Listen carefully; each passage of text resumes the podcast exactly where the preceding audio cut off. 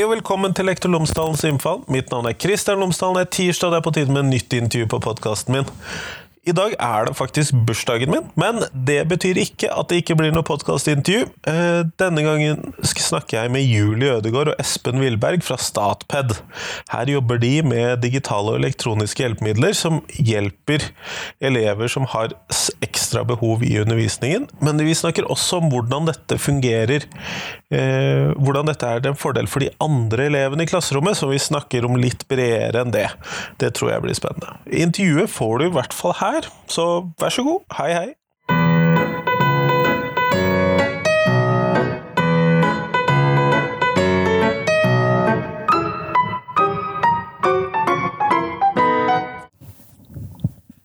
Julie og Espen, tusen takk for at dere har tatt dere tid til meg i dag. Takk for Tusen takk for at vi fikk lov til å komme.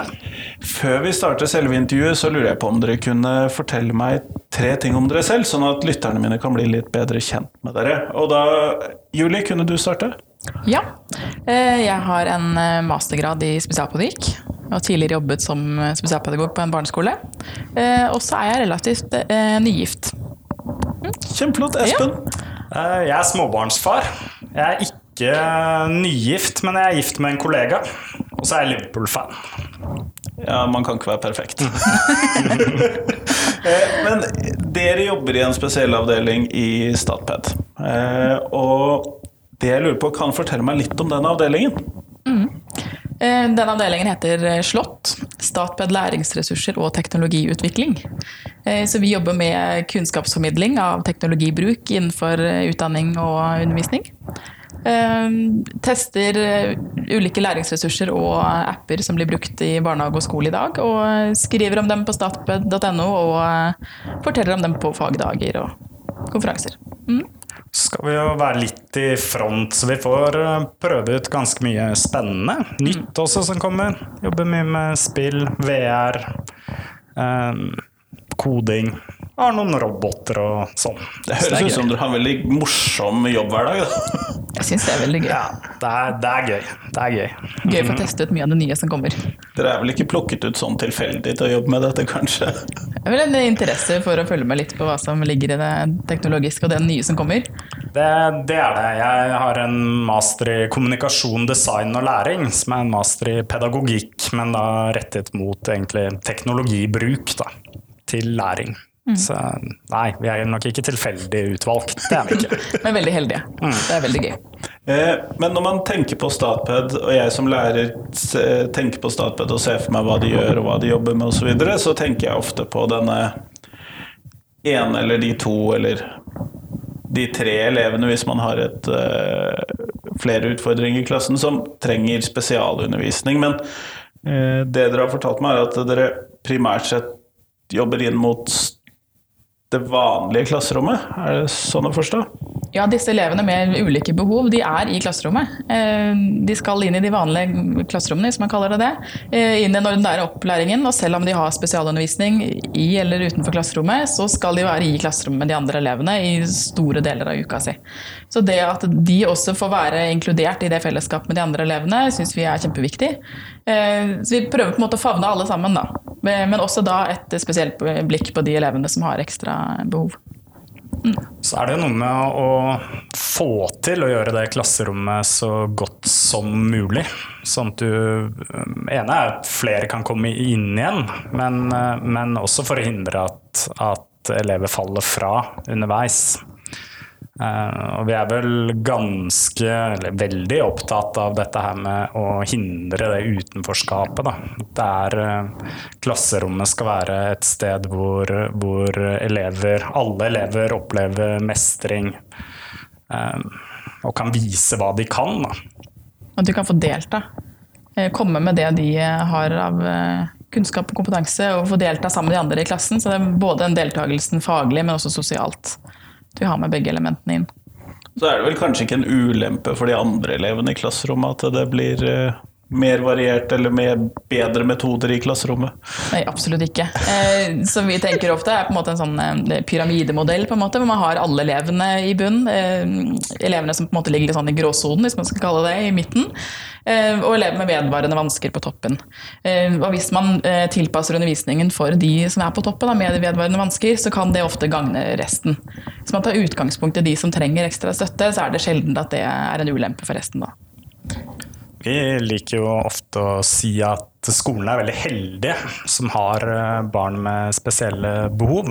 For de utfordrer og få, gjør at man må tenke litt nytt. Ja, Man kan ikke bare lire av seg den det, det, snu bunken og gjøre det jeg gjorde de siste 20 årene. Nei.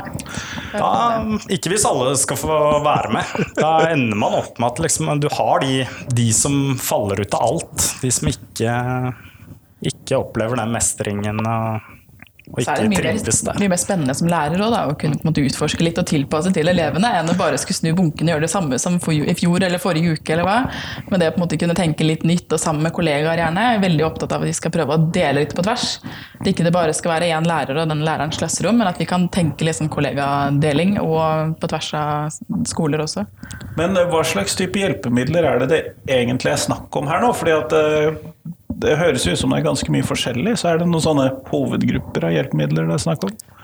Eh, Vi kan, kan jo si at vi, vi jobber jo noe med, med kompenserende hjelpemidler. Og det er jo typisk sånn støtte til en spesifikk vanske. Altså la oss si at du eh, har veldig treg lesehastighet. eh, og hvis du da kan ta en eh, iPad f.eks. og bruke lese opp-funksjonen som ligger i tilgjengelighetsfunksjonene der. Ja, for de ligger der jo allerede. De ligger der allerede. Det burde alle selvfølgelig alle i klassen få tilbud om å bruke, men for noen så er det helt avgjørende for å kunne henge med. Sammen med diktering, hvis du er treg til å skrive. um, Sånn. Helt over til det mer, enda mer spesielle. altså Blinde elever bruker skjermlesere for å kunne lese og jobbe på PC eller på pad.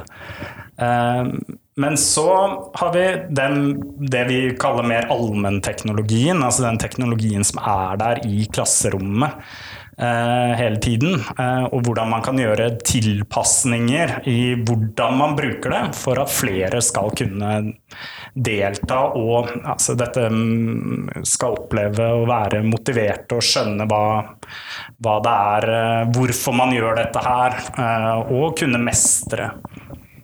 Så I stor grad så snakker vi om de eh, læringsressursene og læremidlene som er tilgjengelige for alle elevene.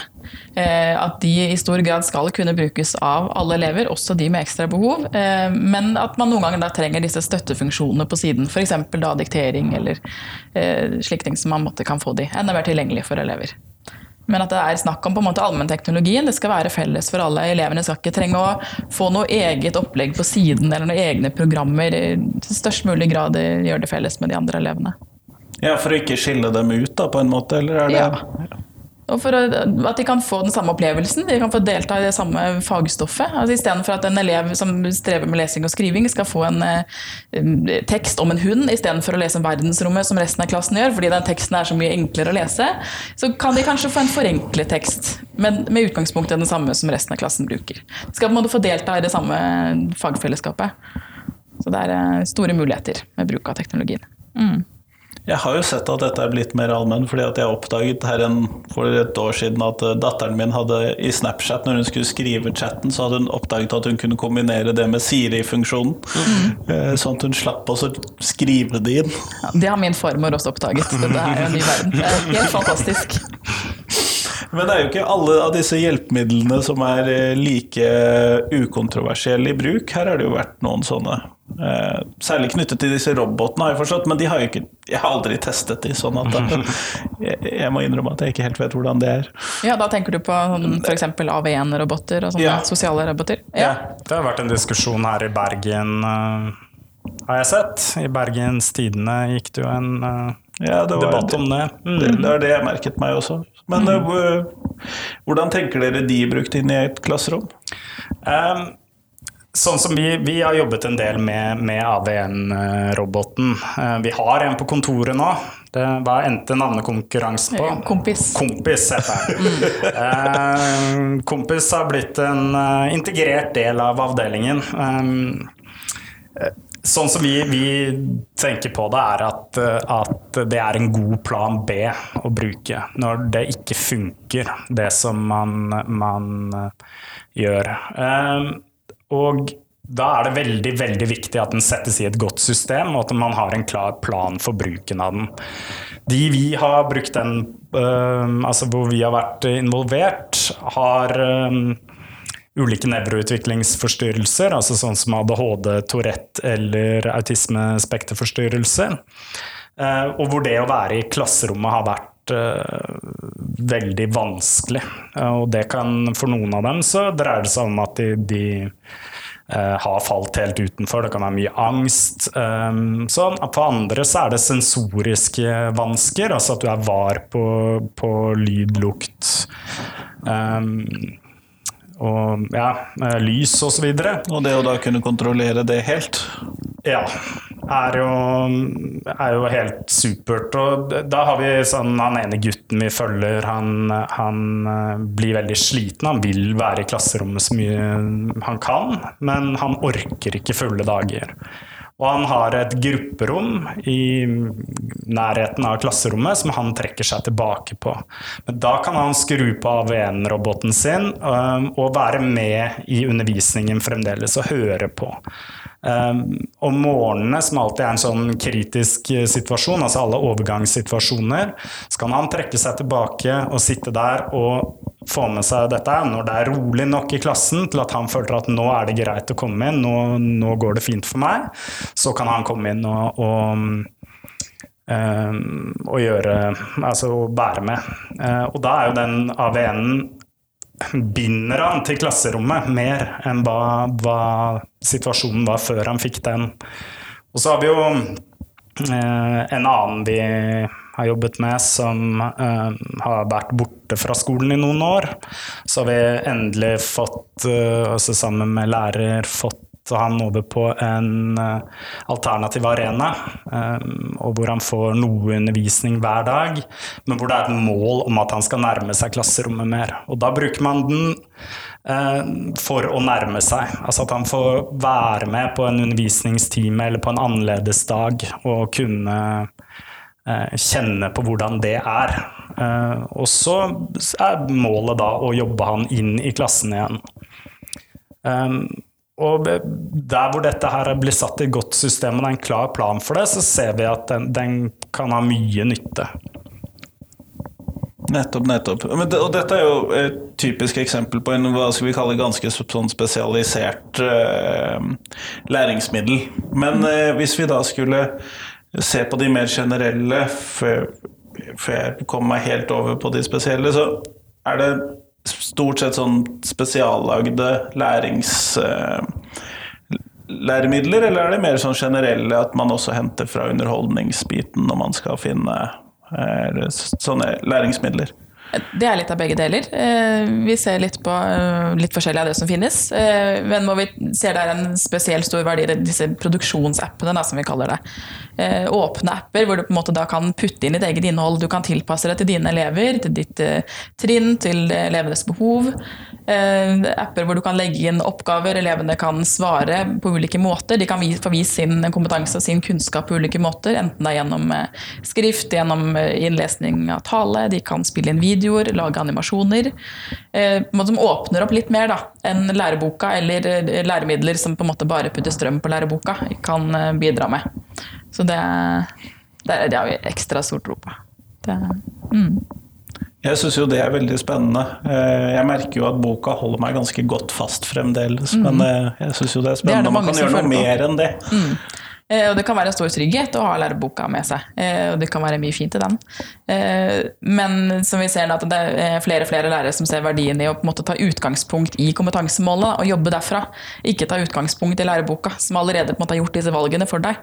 At det er enda lettere å tilpasse for elever med ulike behov hvis du tar utgangspunkt i kompetansemålene. Se på hva er det de skal kunne etter denne timen her, og så legge opp undervisningen. Tilknytte deg de ressursene du trenger, om det er videoer, om det er tekster, og så dele det ut til elevene. Det kan få frem mye mer av hva elevene kan da. Da får du ofte en mer bredde også i ressurser du får inn, altså du bruker, og nye måter å tilegne seg informasjon på. Eh, Og da er det jo en større sannsynlighet for at du treffer flere med noe av det. Og at det er flere som, som eh, ja, får, får noe ut av undervisningen. Da. Og at man går litt bort fra den der eh, rett og galt svar-tankegangen eh, som lærebøkene ofte har vært styrt mot, men for mange av dem. Eh, hvor man da skal ha ett svar på én oppgave, og det er det du får gitt. Og det er også den informasjonen lærerne får. Enten så er det riktig, eller så er det galt. Men hvis elevene kan levere en film hvor de forklarer hvordan det er regna ut et regnestykke, f.eks., så får du en helt annen informasjon som lærer. Mye mer verdifullt for å da få vite hva elevene kan, hva de trenger hjelp til, og også bruke videre til å planlegge undervisningen fortsatt. Mm. Og det viser jo kompetanse på en annen måte også. Altså, det er jo en bedre altså, Du får vist kompetanse mye Ja. bedre da. Og også mye bedre å bruke til vurdering. Det er jo noe lærerne skal bruke mye tid på. Eh, Så det å få gode data på hva elevene faktisk kan, det er kjempefint. Nettopp. Men eh, når vi da snakket om For dette, er jo sånne ting som ofte kan fungere godt i, i det generelle klasserommet, i det ordinære undervisningen. Eh, men så sikkert også disse f.eks. lage videosnutter kan man jo sikkert også gjøre hvis man ikke er en del av den. Eh, hvis man har sin egen undervisning i større grad. Men og utover AV1-robotene, hvilke andre sånne læremidler er det dere ofte ser på overfor disse elevene som ikke- ofte ikke kan være i klasserommet? Um, Eller få fullt utbytte av det, da. ja, uh, det vi ofte uh, starter med, er jo interessene til elevene. Altså, det er noe med å få til å skape den relasjonen. Og det tar jo eh, For ganske mange så er det mye lettere å skape en relasjon hvis, hvis det tar utgangspunkt i noe konkret, og som er noe som, som barnet eller ungdommen mestrer. Og da er jo mange av de som eh, er hjemme og med, eh, med, med nevroutviklingsforstyrrelser, de, det er gutter. Eh, og de gamer. Sånn at eh, Vi har jo sett mye på, på spill, og vi har sett på spill hvordan du kan bruke det i undervisningen. eh, For dette er en arena de mestrer i utgangspunktet. ja. Og at man kan begynne å knytte læring til det, at det er et første steg, og at man bygger derifra. Eh, Men vi ser jo også at en del andre en del andre verktøy. Vi, har en læringslab hos oss, hvor vi har eh, nå hatt et, eh, noen forsøk med å invitere ungdom inn til oss, som sitter hjemme, kanskje ikke kommer seg utafor døra, er utenfor klasserommet. Og så kommer de inn i den læringslaben vår, som ser ganske kul ut. Og det er masse det. er, det er masse ting der, og det er store skjermer, og, og der liksom står noen eh, Der ligger det en Sphero-ball som du kan eh, kode, og det er Lego du kan bygge, og eh, bygge roboter og kode. Eh, Det er VR-utstyr, eh, det er en PlayStation Pro der, eh, og det er ja, egentlig ganske mye spennende. Det er mye gøy å leke med. Det er mye gøy å leke med. Og så er det noe med sånn derre Så setter vi oss ned så ofte Hvis de er en viss alder, så er det Fortnite som gjelder nå. Eh, de kommer inn, disse eh, ungdommene, og de er jo stille. Eh, de har kanskje hette på seg, de ser ned. Og så setter de ned i sofaen og sitter ved siden av og så bare la dem spille Fortnite. Og så begynner å stille noen spørsmål om hva er det du holder på med, egentlig. Kan du forklare meg litt hva er det, hva er det, hva er det? Mm, Det skinnet ditt, hvorfor mm, Litt sånn om tankene bak. Og så eh, er det som han ene gutten sa til oss etter å ha gjort dette her, så sa han det at Skjønner du, det er mye lettere for meg å snakke når jeg har noe i hendene. Um, Så bare det sier ganske mye. Altså. og så kan vi begynne sånn her å følge interessene deres litt, og, og kanskje vi begynner å bygge noe Lego, og så begynner vi å kode det. Og så får man da med en gang en sånn nysgjerrighet men hvordan får jeg den til å gjøre det? Hvordan får jeg til å gjøre det? Og Jeg fikk den til å gå frem, nå ville han til å gjøre noe helt annet. ja, ikke sant? Du fikk den fram, og så kanskje tilbake, også, men nå vil jeg at den skal svinge. Okay, Da må vi koble på en motor motor til, vi må koble på det og det, og plutselig så er vi jo midt inne i fag. Og så har man Og også da en det. kontakt med eleven. Det å på en måte bruke elevens interesser og spill og koding og på en måte interessante teknologier da, for å komme i kontakt og få en relasjon, er kjempeviktig for oss å da bygge videre på det faglige og utviklingen der. Da. Så det har vi sett er en kjempearena.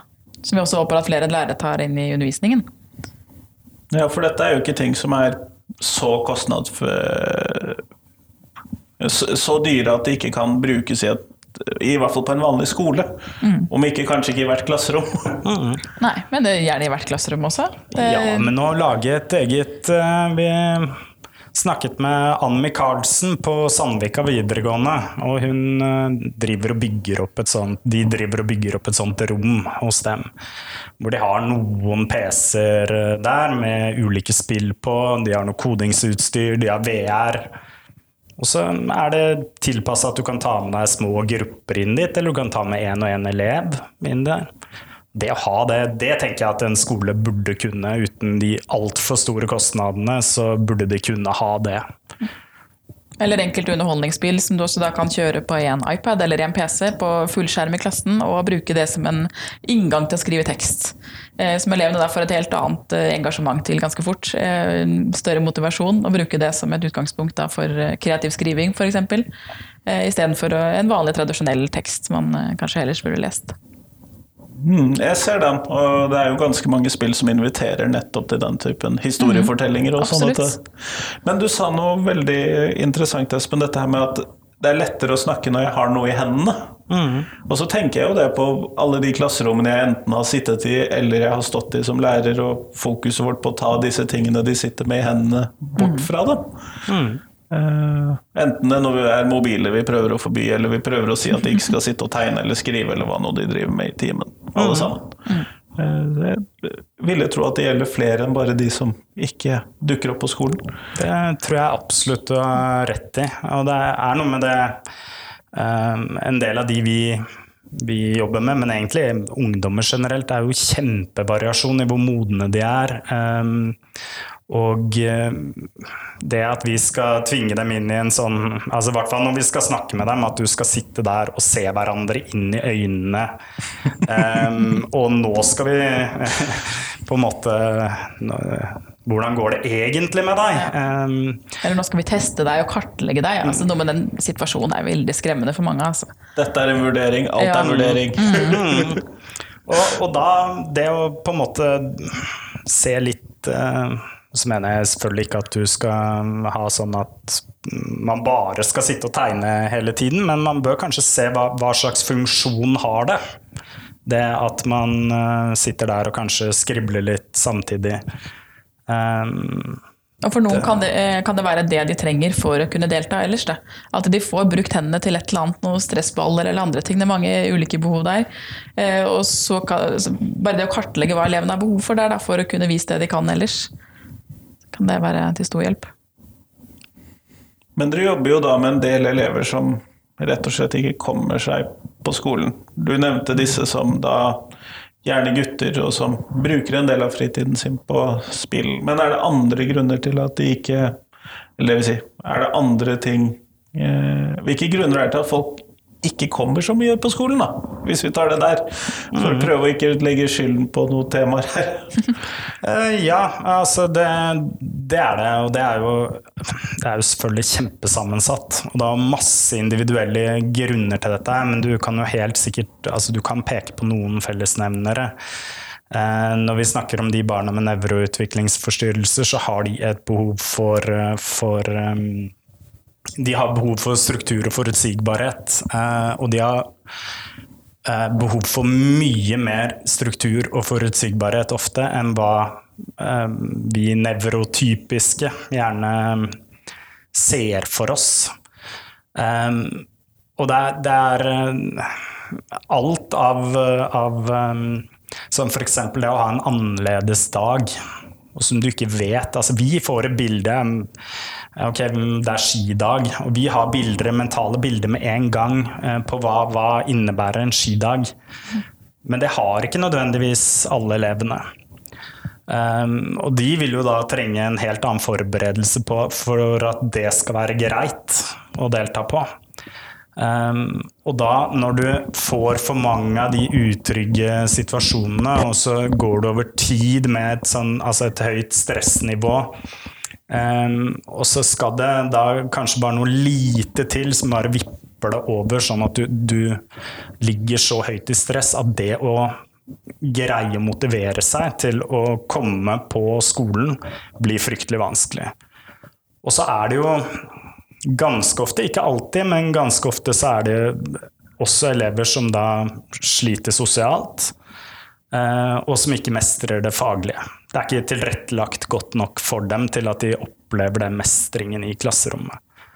Eh, og da blir, eh, når du på en måte Hvis du da samtidig også mangler de relasjonene til medelever, men kanskje enda viktigere, du mangler relasjoner til de voksne på skolen. Du har ikke en lærer som på en måte ser deg. Så er um, så, så, på en måte blir de Det som holder deg igjen på skolen, det forsvinner. Det som holder de aller fleste andre uh, igjen på skolen, det, det, er ikke der. Så jo flere av disse faktorene som du nå nevnte som mm.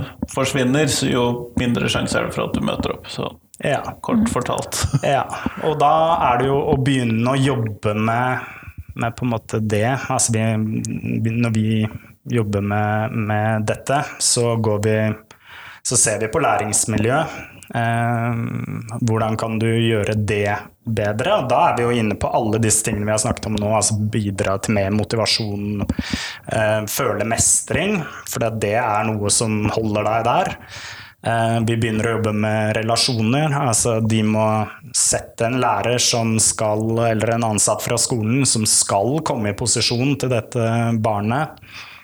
Um, og så ja, egentlig jobbe med alle de, de faktorene rundt. da. Og det at man jobber med den eh, forutsigbarheten da, for å skape det for elevene. Og det er jo spesielt sett verdien av å bruke video som en mm. forberedelse. Eh, at man filmer hvilke dør man skal gå inn, hvilke voksne man skal møte i løpet av dagen. Enten det er når man skal på besøk til oss eller på skolen.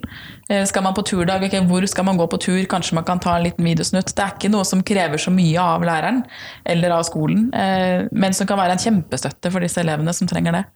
Det var mer detaljert enn jeg hadde ventet å høre. Ja, vær så god. For jeg ikke Jeg har jo hørt en del forskjellige måter å tilpasse til sånne ting, men mm. den varianten der har jeg ikke vært borti før. Nei, ikke sant, men det er det mange som sier. Og når du på en måte har telefonen stort sett for hånda hele tiden, og det kunne ta en liten videosnitt, eh, send en hilsen, en personlig hilsen til eleven. Det er noe helt annet å få en eh, personlig video med lærerens ansikt, lærerens trygge stemme, noen du kjenner, som sier at 'jeg gleder meg til å møte deg i morgen', 'her skal vi møtes, vi skal gjøre det og det', så skjer det og det, og her skal du møte disse elevene. Helt annen forventning til hva som kommer til å skje, og en trygghet i at man vet hva som eh, venter en enn eh, å få et skriv med en plan over uka. Eller altså noe litt mindre Hørtes ut som Snapchat var perfekt for dette. Ja, kjempefint. Kjempefint. Ja, strålende. Ja, men bruk det man har for hendene, det som er tilgjengelig for både foreldrene og for elevene. Og som elevene bruker allerede. Ikke sant. Kom på deres arena. Det er kjempeviktig. Ja, altså, så når vi får inn ungdom hos oss nå, så lager vi alltid en sånn film. Da tar vi bilde av her skal du komme inn, disse personene møter deg, og eh, så går du opp denne trappa, vi går gjennom denne døren, nedover denne gangen, og så skal vi inn på dette rommet her.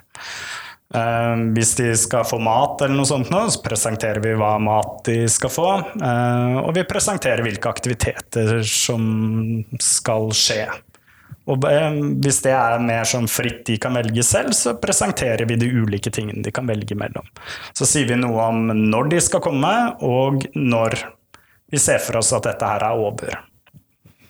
Og de som kommer inn, så spør vi alltid foreldrene sånn ja, har de sett på videoen. Ja, nei, vanligvis sett den tre-fire ganger. Ene, ene gutten hadde sett den eh, ti ganger før han kom. Og det er bare sånn men da vet du at den er verdifull også, for ungdommer mm. gjør jo ikke ting så mange ganger. Nei, Hvis ikke de kan slippe unna, hvis ikke det er viktig. Nei, det er noe med det. Um, og for de som da eh, tar dette inn som en del av på en måte, den ordinære opplæringen, og til elever som på en måte ikke har kommet dit at de er borte fra skolen, men som du likevel ser at her er det behov for litt ekstra struktur og forutsigbarhet i skolehverdagen. Den verdien av på en måte sende ut en sånn eh, liten videosnutt på Showby eller hvilken plattform man bruker. Men det kan også være fint for de andre elevene. de andre elevene som heller ikke har de spesielle behovene, kan ha behov for å vite litt mer om hva som skjer dagen etterpå. Kan skape en trygghet og vite litt mer hva man skal eh, møte. Så er det egentlig veldig enkelt Ja. når man først gjør det. Når man har, har de verktøyene for hånden. For at jeg tror det er, eh, og det er noe med å gjøre det en gang eller to, så ser man at dette her har du faktisk gjort på eh, fem minutter. Så har du laget den filmen. Den trenger ikke å se perfekt ut. Eh, Du trenger ikke å ha noe proft utstyr. Du trenger egentlig bare å ta stillbilder og sette sammen i en type sånn altså, som en film og legge tekst altså, og snakke inn på toppen. Veldig greit. Burde være innenfor det digitale kompetansenivået til de fleste lærere. Det syns jeg. Eller så kan man skaffe seg den. Det kan man få, mm. få hjelp til eventuelt. Men når vi da skal Vi har prøvd å skape den tryggheten og prøvd også å åpne opp gjennom f.eks. disse virkemidlene som du har snakket om. Hvor, hvor går veien videre for oss å prøve å få disse elevene inn i skolen igjen, til vanlig? Um, Med altså, kanskje disse virkemidlene som dere ellers tester ut? altså det, det er jo ofte sånn vi Når vi snakker mer sånn skoleutvikling, hva ønsker vi å se, så er det jo den, den eh, tanken om at du skal ha en lav terskel for å mestre, og eh, at du skal ha Altså det skal være høyt under taket. Og at du tenker litt annerledes på hvordan du legger opp oppgaver, eh, hvordan du gjør vurdering. Eh, sånn at det rett og slett er eh, flere som får til. Eh, og så er det jo da altså, Hvis man tenker seg sånn forebygging et forebyggingsperspektiv, så er det jo noe med å kjenne elevene dine. Vet hva, altså du må vite hva de liker, du må vite hva de, hva de brenner for. Og så må du kanskje ta inn noe av det i undervisningen. Ta utgangspunkt i det. Altså ikke gå bort fra skole eller noe sånt noe, men eh, det, hvis man frir eh, Altså man kommer seg litt bort fra at man eh, skal gjøre det og det, fordi det sier læreboka, så har du en annen frihet til å kanskje knytte læring opp mot noe som, eh, noe som ligger elevene nærmere. Da. Og det som kanskje ikke er så inndelt etter bare skolefag, at vi tenker litt mer sånn eh, fagfornyelsen nå, med litt mer eh, dybdelæring, tverrfaglig arbeid, problemløsning. Litt mer disse åpne oppgavene som flere kan ha mulighet for å delta i. Da. Eh, Og at elevene kan se at deres kompetanse faktisk er trengt for å løse en oppgave. At det ikke er noe rett og gale svar, men at de kan bidra med noe de kan. Men at man samtidig husker på den strukturen og planene på en måte inn i dette her. At ikke det skal bli et sånn prosjektarbeidsstyr som mange elever syns er veldig uoversiktlig. Eh, Men at man kan bruke disse oppgavene som et utgangspunkt, men likevel lage en plan, og også for lærerens del at man har en struktur i det. Sånn at de vet hvor de skal være og hvor de skal gå. Og Ja, hvor de skal hen. Hva er målet for dette her? Hvorfor gjør vi dette? Hvilke læremidler, hvilke støtteverktøy har du tilgjengelig for å hjelpe deg med oppgaven din? Eh, Ja. Jeg vil jo nesten For det får meg jo egentlig tilbake til noe jeg sa helt i begynnelsen, at det høres ut som noe som alle elevene ville tjene på. Jeg tror det, altså. Ja, egentlig ganske sikker på det. Ja. Ja. Det vil være en mer spennende hverdag for de aller fleste. Som er å være et Hva er det det står i overordnede delen? Noe sånt man skal være det skapende mennesket. Sånn eh, det er, det er noe i det, altså. Kunne Elever som produsenter og ikke bare konsumenter, er jo ofte sagt at det, de skal være med å skape noe. Og det gjelder jo også når man bruker teknologi. De skal ikke bare motta og se på ting, men de skal kunne interagere, de skal samarbeide med andre elever. De skal få laget et eller annet produkt da, som de kan vise frem og være stolt av. Og de har fått bidratt med noe. Mm.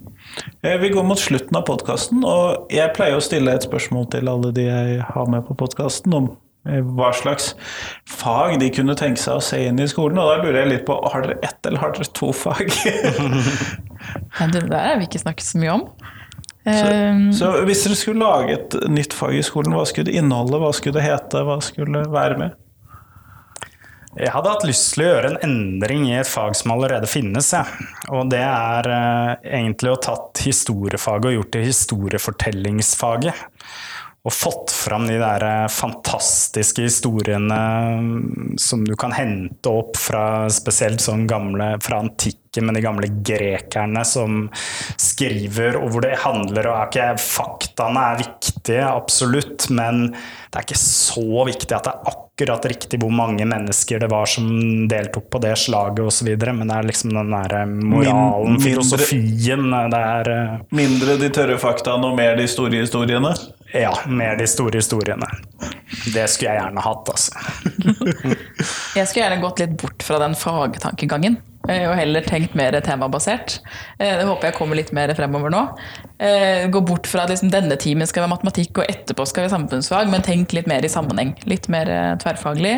Det er jo det elevene møter stort sett videre i livet også. Det er ikke kun etter et fag av gangen. Men nå tok du det rette svaret. Fint at Det var dårlig, det. dårlig gjort. Kjempeflott. Tusen takk for at jeg har fått lov til å prate med dere i dag. Takk for at jeg fikk møte deg.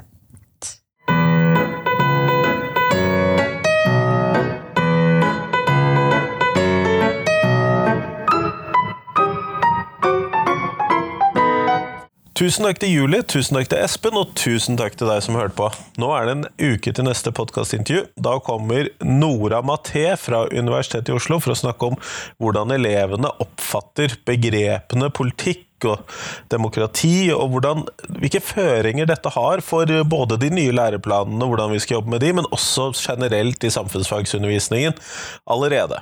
Sånn at det tror jeg er spennende. Eh, Et veldig interessant tema. Eh, Det kommer i hvert fall om en uke, neste tirsdag. I mellomtiden Hjelp meg med å finne ut hvem jeg skal prate med senere, for etter sommeren så har jeg faktisk ikke noen planer om hvem jeg skal prate med. Jeg har lagt opp intervjuer for helt fram til og med første skoledag, men etter det så har ikke jeg flere planer. Så du må hjelpe meg å få hva vi skal ha etter det.